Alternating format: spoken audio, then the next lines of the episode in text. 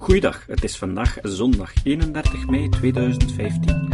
Ik ben Jozef van Giel en dit is de 233ste aflevering van deze podcast. Vandaag en tijdens de volgende vier afleveringen horen jullie een opname van het klimaatdebat. Charta Vlaanderen organiseert op 22 mei in Afligem een debat tussen mensen die de conclusies van het IPCC over de opwarming van de aarde volgen en mensen die kritisch staan tegenover deze conclusies. De verdedigers van de consensus betreffende de klimaatopwarming waren Dirk Verschuren, hoogleraar aan de Universiteit van Gent. Hij is onderzoeksprofessor in paleoecologie en klimaatverandering.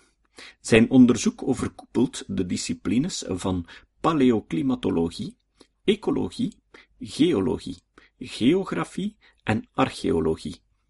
Zijn voornaamste onderzoeksfoci zijn reconstructie van klimaatvariatie in Afrika en huidige tussen mens en natuur in Afrika. Luc de Bontridder is hooggeplaatst klimatoloog voor het KMI, het Belgisch Koninklijk Meteorologisch Instituut. Hij is verantwoordelijk voor de adviezen voor het Rampenfonds van België bij extreem weer. Hij deed veel onderzoek naar de evolutie in extreem weer, zoals windhozen en hagelstenen. Hij is officier ter langer omvaart. De critici van de visie dat de mens de voornaamste oorzaak zou zijn van de klimaatverandering zijn Bas van Geel is bioloog en paleoclimatoloog, verbonden aan de Universiteit van Amsterdam. Hij onderzoekt oorzaken van klimaatverandering en gevolgen van menselijke invloed op de vegetatie gedurende de periode na de laatste ijstijd. Van Geel is tegenwoordig, gepensioneerd, onbezoldigd hoofddocent paleo-ecologie aan de Universiteit van Amsterdam. Marcel Krok is doctorandus in de scheikunde, Rijksuniversiteit Leiden. Hij is freelance onderzoeksjournalist op het gebied van klimaat. Van 2011 tot 2013 was hij expert-reviewer van het vijfde IPCC-rapport in opdracht van het ministerie van Infrastructuur en Milieu in Nederland. Hij was nog redacteur voor verschillende wetenschappelijke tijdschriften, zoals Ingenieur en Natuur en Techniek. Hij schreef onder meer De staat van het klimaat, een koele blik op een verhit debat. De moderator van dienst was Rick van Kouwelaert, een Vlaamse journalist. Het was een zeer interessante discussie. Vandaag horen jullie het standpunt van Luc de Nontredder en het standpunt van Bas van Geel. In de volgende aflevering horen jullie het standpunt van Dirk Verschuren en de aflevering daarna het standpunt van Marcel Krok. In de laatste aflevering van deze reeks horen jullie het eigenlijke debat. Hier komt het. Goedenavond, mag ik even de aandacht? Ik zou graag iedereen willen verwelkomen namens Garta Vlaanderen en Open Klimaat. Ik ben Rudy Dierig, voorzitter van Garta Vlaanderen. En wij verwelkomen jullie allemaal voor een debat. We hopen dat het leerrijk wordt voor iedereen. Met nadruk op leerrijk. Dat was ook een van onze betrachtingen wanneer we Garta nog niet zo lang geleden hebben opgericht. Een beetje teleurstelling over hoe het politieke leven gebeurt, hoe de media berichten over politieke maatschappelijke vraagstukken, hoe het debat plaatsvindt. En van daaruit zijn we gestart met Garta Vlaanderen. Carta Vlaanderen heeft als eerste initiatief een nieuwsmedium opgericht, De Bron. En dit debat is de eerste, tweede soort activiteit, een debat. We hebben een aantal verschillende meningen samengebracht, in de hoop dat we daaruit veel gaan kunnen opsteken, meer begrijpen over dat bijzondere debat met grote vragen en nog grotere maatschappelijke impact, maatschappelijk, economisch, politiek, dat hoef ik jullie allemaal niet uit te leggen. En wij doen dat belangeloos. We zijn daaraan gestart vanuit nieuwsgierigheid. En we doen dat ook met steun van, ik heb zelf een klein beetje bijgedragen. We hebben ook een aantal milde, uh, dikwijls anonieme giften, steun die we ontvangen. We hebben een aantal mensen in het beschermcomité die het ons mogelijk maken om ook het materiële te verzorgen. Ja. Ik zou dan ook bij deze even willen al onze ondersteuners, al onze leden van ons beschermcomité willen bedanken dat zij dit materieel mogelijk maken. Ja, we willen het eenvoudig houden en zo lukt dat.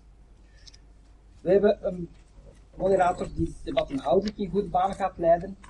En bij deze rond ik de verwelkoming af. Iedereen van harte welkom. Hartelijk bedankt voor jullie aandacht, voor jullie aanwezigheid. En laten we het leerrijk houden.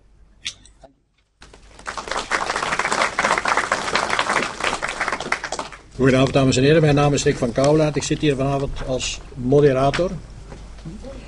Uh, u moet mij eigenlijk zo min mogelijk horen, dat is de bedoeling. Uh, maar dit is wel inderdaad, zoals de voorzitter zei, een heel belangrijk debat. Het is een debat dat polariseert, het is een debat dat mensen verdeelt. Ik heb uh, twee collega's gehad bij een blad waar ik ooit voor gewerkt heb, die twee jaar lang met elkaar niet gesproken hebben, omdat de ene vond dat het IPCC gelijk had en de andere niet. Maar dat is finaal toch wel goed gekomen. Maar het toont aan dat dit uh, een heel emotioneel debat is ook bij wijlen. En ik denk dat we vanavond hier vier uitstekende vertegenwoordigers hebben van beide kampen. Twee van beide, elk, elk kamp. Namelijk, eh, we gaan zo dadelijk beginnen met Luc de Bondridder. Dat is de klimatoloog van het KMI. Die een duurde een tiental minuten uh, zijn exposé naar voren zal brengen. Daarop krijgen de andere debaters, en dat is dan Dirk Verschuren, misschien even recht staan, uh, van de Universiteit Gent. die ook tot het, zal ik maar zeggen, IPCC-kamp behoort.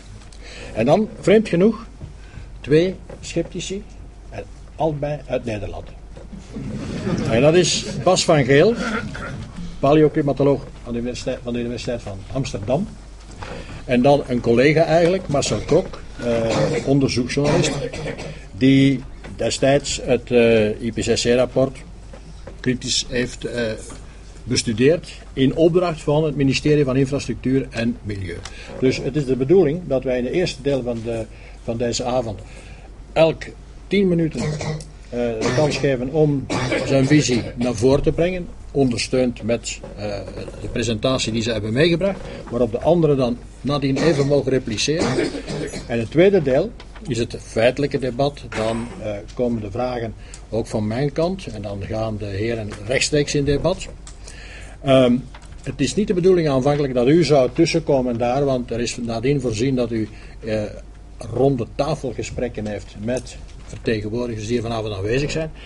Maar mocht u nu een onweerstaanbare drang voelen om een vraag te stellen, dan zullen wij ons niet verzetten. Meneer de Wondrede? Ja. Aan u het woord. Ik ga even in de zaal zitten zodat ik uw presentatie kan volgen. Eerst en vooral uh, welkom namens het KMI en mezelf. Ik geef u een presentatie die aansluit op de presentatie van dokter Verschuren. Het is te zeggen, wat hebben we op het KMI gedaan in de voorspellingen in de toekomst wat het klimaat in België betreft. Dus uh, welk weer tot morgen, uh, welk klimaat kunnen we verwachten binnen 20 jaar? Enerzijds heb je de weersvoorspelling, dat is een voorspelling van 5 tot 14 dagen. En anderzijds heb je een klimaatprojectie die gesteund is op een klimaatscenario, waar dat je dus via klimaatmodellen kunt uh, projecties doen naar de toekomst. Dus uh, het is zeer belangrijk dat je bij de, het maken van die voorspellingen of die projecties, dat je vertrekt van observaties die correct zijn. Dat is het eerste punt. En dan moet je rekening houden met de interacties tussen oceanen en uh, continenten, tussen oceanen en de atmosfeer, tussen de cryosfeer en de atmosfeer. En dat wordt allemaal uh, gelinkt aan wetten van de fysica, beschreven door wiskundige vergelijking. Nu, die zijn niet perfect. Dat zeg ik al nu om te beginnen. Maar uh, door het ontstaan van het IPCC in 1988, uh, onder steun van de Wereldmeteorologische Organisatie en de UNESCO, werd er voor die IPCC een taak vastgelegd. Die was de stand van zaken opmaken van de meest recente wetenschappelijke, technische en socio-economische informatie die relevant is voor het begrijpen van de klimaatsverandering. De meest recente bevindingen van het IPCC dateren uh, uit 19, ik dacht in Parijs, uh, en het was het uh, Assessment Report nummer 5. Ondertussen hadden ze al gezegd dat de warming of the climate system is onweten, uh, onweerlegbaar en sinds de 19, 1950 duidelijk aantoonbaar. Ik heb hier vijf waarnemingsreeksen van temperaturen aan de grond. Uh, de bovenste reeks is uh, de reeks van de CRITEM, is in feite de Climate Research Unit, samen met de Meteorological Office in Engeland. Dan Berkeley, waren zogezegd sceptici, die afhankelijk waren van een universiteit in uh, Californië, als ik me niet vergis. Dan de GIS is van de NASA en GSCN is van de Noord-Atlant uh, NOAA. Nu, wat ziet je op die figuur? U ziet dat zowel de sceptici, Berkeley, als de anderen tot hetzelfde resultaat komen. Nu stel ik mij de vraag, waarom een groep als wetenschappelijke sceptici van Berkeley komen die tot dezelfde resultaten als Crutem, die in feite een groep is van mensen die geloven in de opwarming van de aarde. En u ziet dat uh, duidelijk op de grafiek dat de resultaten hetzelfde zijn, met een afvlakking vanaf de jaren 2005. Uh, maar daar kunnen we misschien later op terugkomen. Dus het KMI gebruikt uh, globale klimaatmodellen, maar de resolutie van zo'n model is 100 tot 200 kilometer.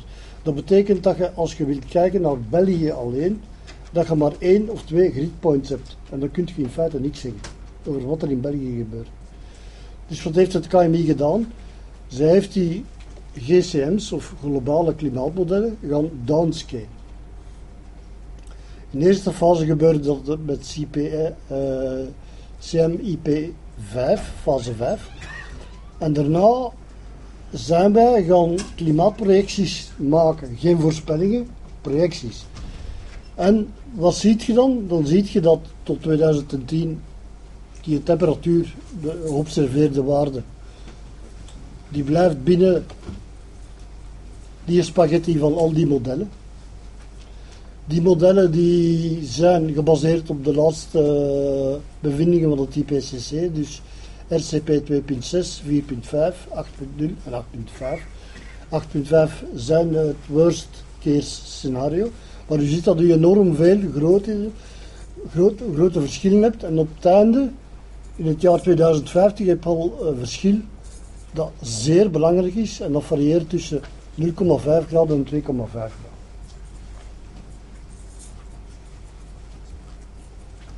Wat hebben we dan gedaan? We hebben gaan uh, landmodellen maken. Modellen die gebaseerd zijn en die aangepast zijn aan België.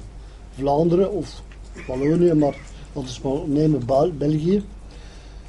En dat is een 80 x 80 modelgridpunten en een 4 kilometer resolutie. Dat wil zeggen, je hebt een punt en 2 kilometer links, 2 kilometer rechts, 2 kilometer ten noorden en ten zuiden. Kunt je een voorspelling maken. Wij gebruikten oorspronkelijk dat dat Alaro-model is een afleiding van het Aladdin-model dat op het KMI gebruikt wordt voor de uh, vijfdaagse en de meerdaagse voorspellingen. Maar we hebben dat nu aangepast met die formules, van wiskundige formules en fysische formules, voor uh, projecties te maken voor het klimaat voor de jaren 2070, 2080. En we hebben dat al gedaan voor IMBO, uh, het Instituut voor uh, Natuur- en Bosonderzoek, om te kijken wat ze moeten doen met die aanplantingen in de komende jaren. We hebben het ook al gebruikt voor uh, overstromingsgebieden. Dus, en dat model blijkt heel goed te werken. De resultaten die we vinden met ons model van uh, Alaro komen grotendeels overeen met de modellen of met de prognoses van het IPCC voor de komende jaren tot 2100. En hier ziet u het resultaat, maar dat is dan nog gebaseerd op een vorig IPCC-model A1B. En u ziet dat uh, wij voorspellen meer overvloedige neerslag in de winterperiode. En u ziet dat in de, die periode december, januari, februari. De bruine lijn is het resultaat van onze model. Dus dat betekent dat tijdens de winterperiode de frequentie van overvloedige neerslag zal toenemen. En dat bevestigt, dat bevestigt wat het IPCC heeft gezegd. En dan tot conclusie heb je hier uh, onder de grens, maar ik moet daar ergens een correctie bij maken, want uh, professor Verscheer heeft me daar op gewezen, dat die RCP 4.5 is in feite ja, limiet 2 graden. In feite zou je, als wij onder de grens van uh, 2 graden willen blijven, moeten wij ons houden aan het uh, Representative Concentration Pathway 2.6. En dan zouden we dus aan de blauwe lijn blijven. En ook is er hier weer al een grote onzekerheid natuurlijk. Maar dat is natuurlijk in het beste geval. In het slechtste geval moeten we rekening houden met scenario 2, uh, ja, 8.5. En dan, ja, dan zie je dat uh, de temperatuur gaat maximaal kunnen stijgen tot 4 graden. Maar uh, volgens de runs die we nu gedaan hebben tot 2050 zou 2 graden wel realistisch kunnen zijn. Ik dank u voor uw aandacht. Als er van de andere panelleden zijn die daar meteen iets met een commentaar willen aan toevoegen. Ja, nou, of een vraag. vraag. 2 graden in 2050, in 2050, ja. bedoel je daar 2 graden ten opzichte van nu. Dus, dus 2 graden ten opzichte van nu. Dus tussen nu en 2050, ja. de komende 35 jaar, ja, komt er nog 2 graden bij in België. Dat is wat jullie zeggen. Ja. Dan geef ik het woord aan uh, Bas van Geel. Nu wil ik ontzettend graag deze plek hebben om te staan in om de computer te kunnen.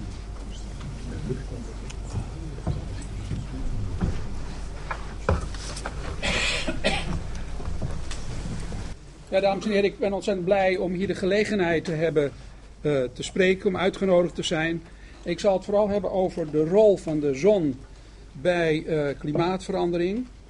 Uh, mijn vakgebied is een vakgebied waarbij we de natuurlijke archieven in het landschap onderzoeken. U ziet hier een af, afzetting van, van veen, een opeenhoping van plantenresten, in duizenden jaren gevormd. En u ziet ook hoe wij monsters nemen, want als we de opeenvolging onderzoeken, dan kunnen wij eh, nagaan hoe de klimaatveranderingen in het verleden geweest zijn. En we gebruiken daarvoor stuifmelkorrels, maar ook mossen, eh, takjes, blaadjes, alles eigenlijk wat we kunnen identificeren.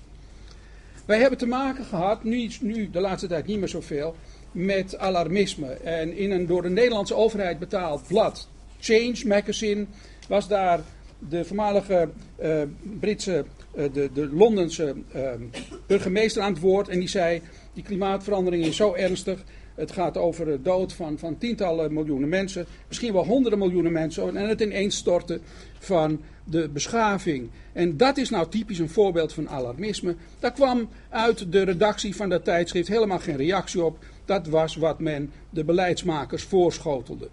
En wat we dan noemen global warming, dat wordt door velen gezien als een urgent probleem vanwege die broeikasgassen toename. Maar sceptici zoals ik, wij houden vol dat de natuurlijke variabiliteit van het klimaat uh, vooral speelt en waarschijnlijk ook domineert over wat de mens veroorzaakt.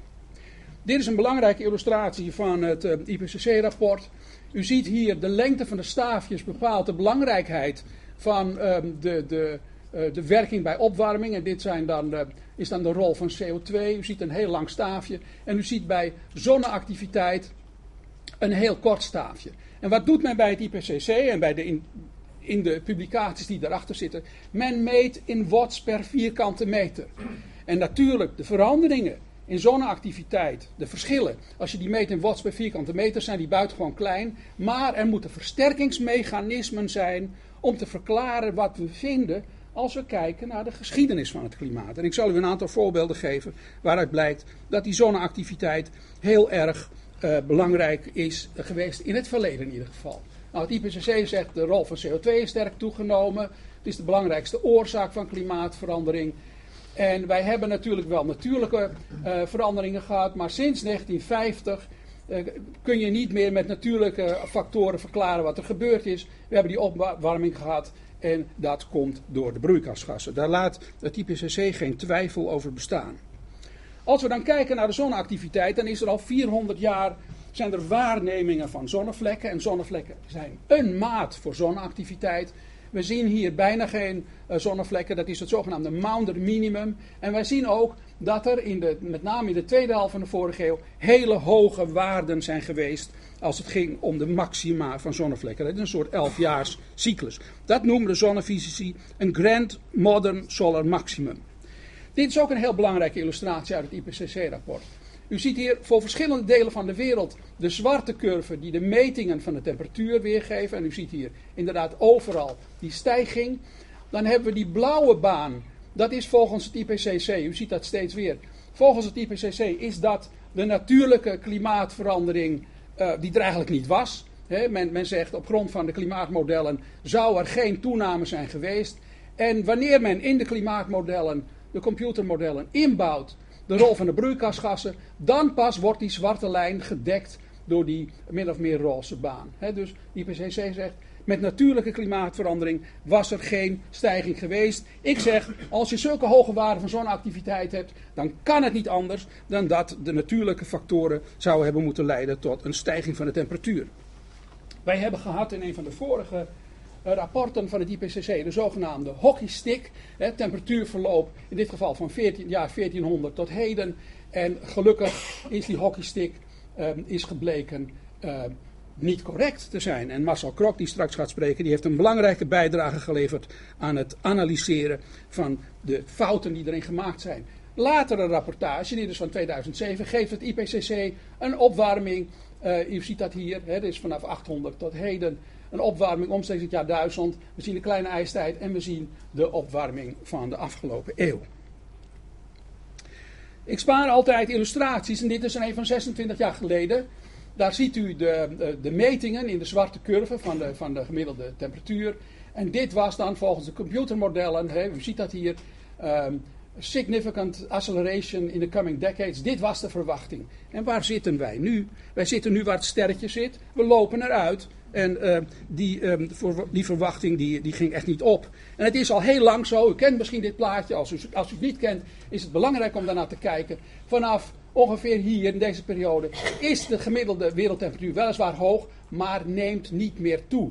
We horen stelselmatig dat het warmer wordt. Nou, dat is al 15 jaar niet het geval als je de wereldwijde gemiddelde temperatuur uh, neemt.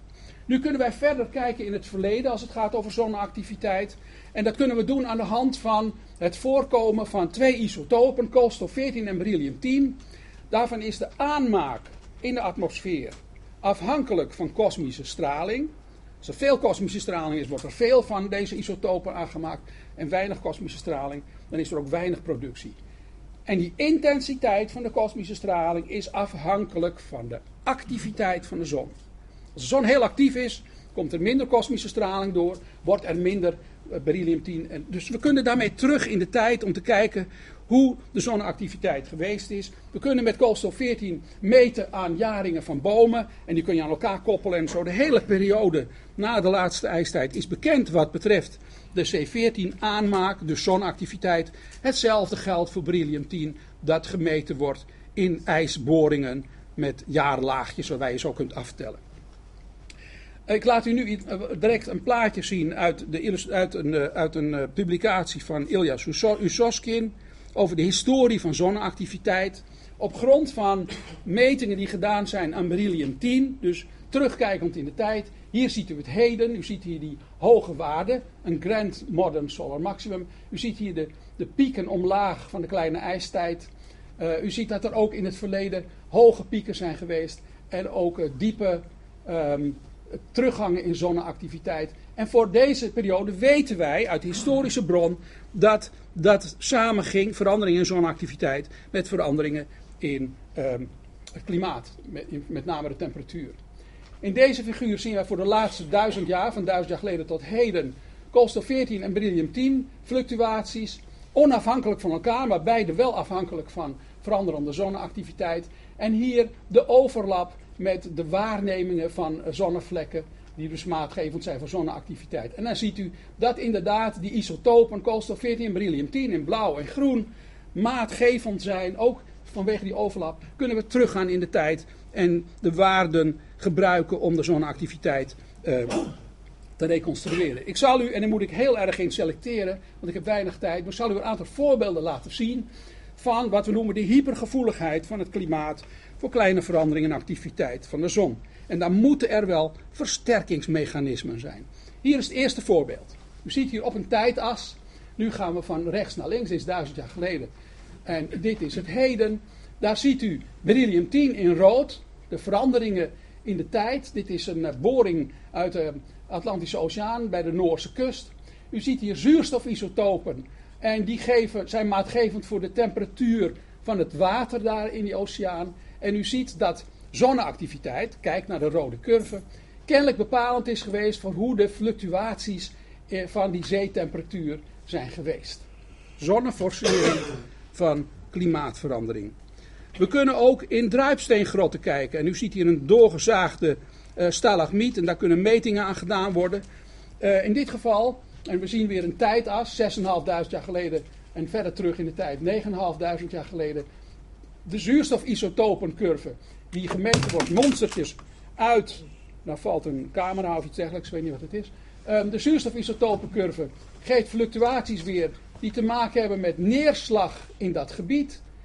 Over diezelfde tijdas worden de fluctuaties van koolstof 14 gegeven, die in jaarringen gemeten zijn van bomen. En u ziet dat de pieken en de dalen grotendeels samenvallen. Dit betekent dat de veranderingen in de neerslag in die grot daar in Oman, in de omgeving van die grot, die worden veroorzaakt door veranderende zonneactiviteit. En ze hebben nog een klein stukje zeer in detail gedaan. Dat ziet u hieronder, hè, dus dit stukje in detail. En daar zie je heel duidelijk hoe de veranderingen in zonneactiviteit, de bovenste curve, bepalend zijn geweest voor de veranderingen in de neerslag in die betreffende periode. Mijn collega Michel Magny werkt in Besançon en hij uh, heeft geboord in de prutlagen, de sedimenten zeggen wij, van meren daar in Zuidoost-Frankrijk en Zwitserland. En hij heeft daar aan die sedimenten onderzocht of de waterspiegel hoog was of juist lager. En er zijn clusters in de tijd, 12.000 jaar geleden tot heden. Um, lage meerspiegels, dat zijn die groene pieken. Hoge meerspiegels zijn de rode pieken. En dat heeft hij gezet naast de veranderingen in het koolstof-14-gehalte in de atmosfeer. En als u die curves gaat vergelijken, dan ziet u dat als de zonneactiviteit terugvalt, je hebt daar zo'n maximum van koolstof-14 als een voorbeeld, dan zien we ook hoge waarden van, uh, dus de waterspiegels waren dus extra hoog in die uh, fase van verminderde zonneactiviteit. Dus koeler klimaat, meer neerslag. En als je dat stap voor stap volgt, dan zie je dat dat heel erg op elkaar lijkt. Zonactiviteit van de zon was bepalend voor het klimaat in dat gebied. Dus veel van die, wat wij noemen paleorecords, laten zien de hypergevoeligheid van het klimaat voor kleine veranderingen in zonneactiviteit. Er moeten dus wel versterkingsmechanismen zijn die het IPCC negeert. Ze zeggen ja, misschien zijn ze wel, maar we kunnen ze niet kwantificeren. Dus laten we het dan maar weglaten. Ja, dat is fout. Dan maak je een grote fout mee. Want dan heb je eigenlijk van meet af aan de rol van de zon eh, genegeerd. Zijn de huidige eh, temperaturen uitzonderlijk? Dat mogen we ons afvragen. Als we verantwoordelijk zijn voor klimaatverandering, voor welk deel is dat dan? En natuurlijk een belangrijke vraag voor een ieder is: hoe ziet het klimaat van onze toekomst eruit? In een goed tijdschrift, een paar jaar geleden gepubliceerd, we zien weer een tijdas, de laatste 2000 jaar, daar zie je omstreeks 1000 jaar geleden pieken in de temperatuur die vergelijkbaar hoog zijn. Dus is dit dan zo uniek wat we in de vorige, de tweede helft vorige eeuw hebben beleefd? Als ik dit moet geloven, dan, en ik geloof dat, dan is dat waarachtig niet het geval. We hebben natuurlijk wel de stijging van het CO2-gehalte. U ziet dat hier op een tijdas. We hebben tussen 1940 en 1965 een daling gehad van de temperatuur en daarna weer een verdere stijging. En er zijn twee verklaringen die heel erg uiteen liggen. Hier zien wij dat veranderende zonneactiviteit en temperatuur samengingen. Dus daar is het kennelijk zonneactiviteit als verklaring voor deze teruggang. Terwijl het IPCC zegt, nee, er was extra veel luchtvervuiling, zo vanaf deze periode. En uh, daardoor liep de temperatuur terug. Hè, er wordt veel zonnestraling tegengehouden of weerkaatst. En omdat er zoveel goede maatregelen genomen zijn tegen de luchtvervuiling, gaat hier de temperatuur weer omhoog. Ja, dus je, je moet maar kiezen wat je wil geloven. Als ik dit zie, dan hef ik mijn handen ten hemel en zeg ik, ja, wat, wat is het nou? Ik geloof eerlijk gezegd de zonnefysici wel. Weten we al genoeg over de rol van de zon? Nee, we kennen niet echt die versterkingsmechanismen. We kunnen de zon niet kwantificeren in de klimaatmodellen. Maar ik weet wel zeker dat de rol van de zon wordt onderschat en de rol van de broeikasgassen waarschijnlijk overschat. Er wordt wel beweerd dat er consensus is, dat iedereen het eens is in de wetenschap over wat er aan de hand is. Nou, ik kan u zeggen, er was wel sociale druk om je te conformeren aan het standpunt van het IPCC. In Nederland viel dat erg mee, maar er zijn andere landen waar mensen hun baan verloren. Alarmisten hebben jarenlang de media gedomineerd. Dus het heeft een hoge attentiewaarde als je met een alarmistisch verhaal komt. Het leidt ook tot geld voor wetenschappelijke projecten, want ja, daar maak je je onderwerp heel urgent mee. En dan zeg ik, dat zijn woorden hè, die je in Nederland in ieder geval leest, klimaatbeleid, klimaatambitie. Is dat collectieve betrekkingswaan? Wat is betrekkingswaan? Als er ergens een misdaad begaan wordt, dan zijn sommige mensen met een afwijking, die gaan zich helemaal inleven en denken dat zij de misdadiger zijn. Dat is betrekkingswaan. Gaat het om fantasie en doemdenken van alarmisten, apocalyptici en catastrofielen? Ja, de ongemakkelijke waarheid is, het klimaat is nog nooit stabiel geweest. En die meneer Al Gore heeft natuurlijk geprobeerd de integriteit van, van sceptici uh, te ondermijnen. Hij vroeg in zijn hoogtijdagen 120.000 dollar voor een lezing. De zonneactiviteit. Nou, we zien, en daar komt iedere maand een stipje bij. We zien hier de tijdas van het jaar 2000. Er was een de cyclus 23, een hoog maximum. Toen kregen we een heel diep minimum, een lang minimum, en een laag maximum. En nu zitten wij alweer hier.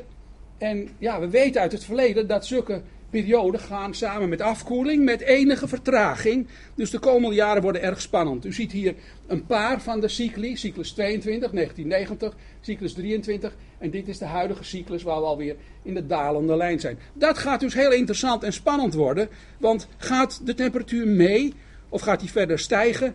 Nou, deze meneer, een Rus, Abdusamatov, die heeft daar, was een van de eerste die herkende aan de zonneactiviteitsvermindering uh, hoe het zou gaan lopen. En die heeft gepubliceerd en u ziet hier de minima in de 11-jaarcyclus worden steeds dieper. Dit is de huidige cyclus. En als hij gelijk krijgt, dan is dit onze toekomst. Dan gaan wij dus, hier zitten we nu, dan gaan wij, dan gaan wij veel lagere waarden krijgen in watts per vierkante meter. Met de versterkingsmechanismen erbij geeft dat effect. En hij zegt dus, dit zijn de maxima die we in de komende jaren kunnen verwachten. Ik ga even iets door, omdat ik anders weggejaagd word door de voorzitter. Ehm, als u meneer Abdul Samatov niet gelooft, geloof dan wel deze twee serieuze uh, Zwitsers.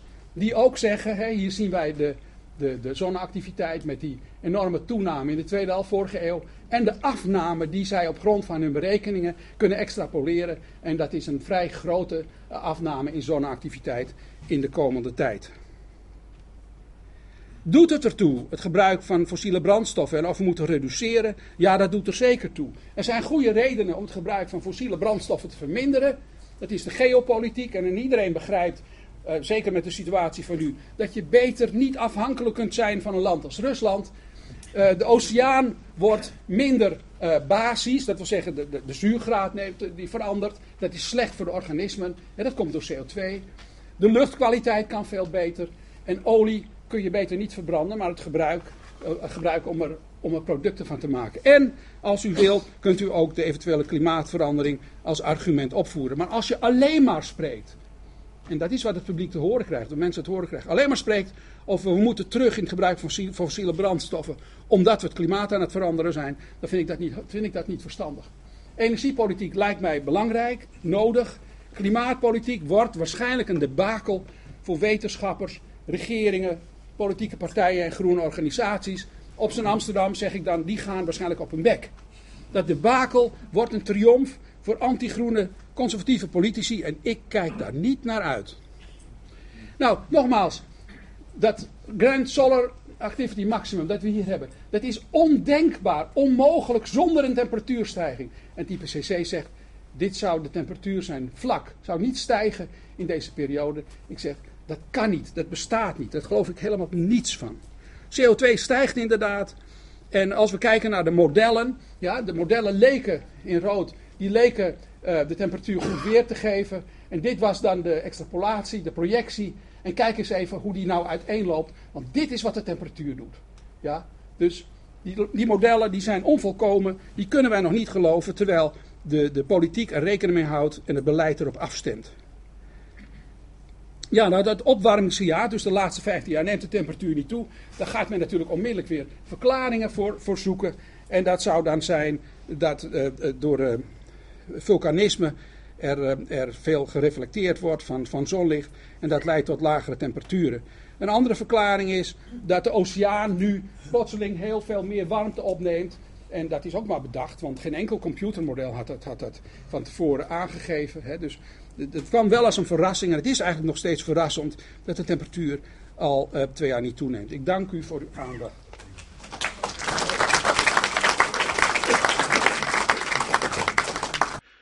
Zo, volgende keer horen jullie Dirk Verschuren.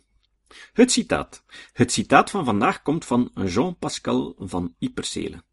Van Ypersele is professor klimatologie aan de UCL, de Franstalige tegenganger van de Universiteit van Leuven, en de ondervoorzitter van het IPCC.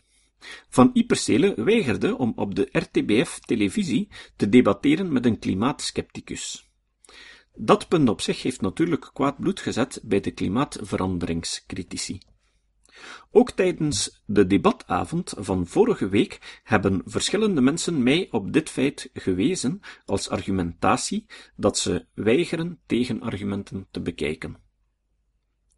Ik vond de reactie van Van Ieperzele in ieder geval interessant, omdat het geen alleenstaand geval is.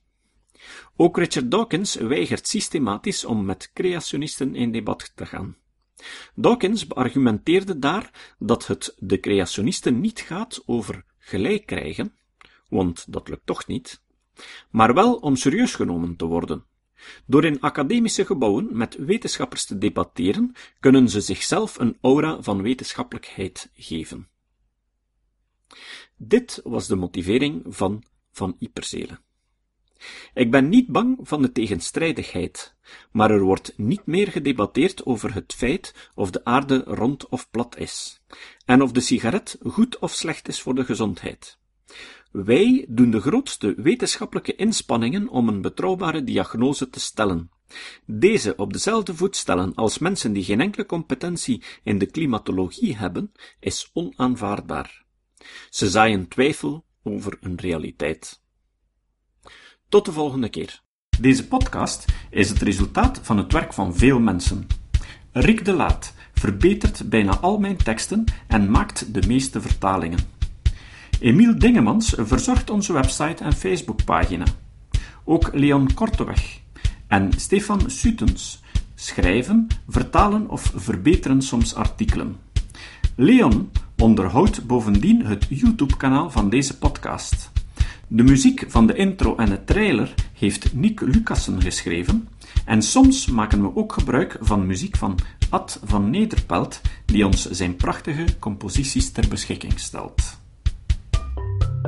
Dit was de podcast Kritisch Denken. Vergeet niet om alles kritisch te behandelen, ook deze podcast. Voor verdere informatie over deze podcast, links en voor de tekst, surf naar www.kritischdenken.info. Als je deze podcast belangrijk vindt, kun je me steunen door anderen warm te maken ook eens te luisteren. Stuur een e-mail naar vrienden met een link naar de website en plaats de link in de handtekening van je e-mails. Tevens kun je op iTunes deze podcast een beoordeling geven of een recensie schrijven. Of je kan op je eigen website of blog een link naar kritisch denken plaatsen.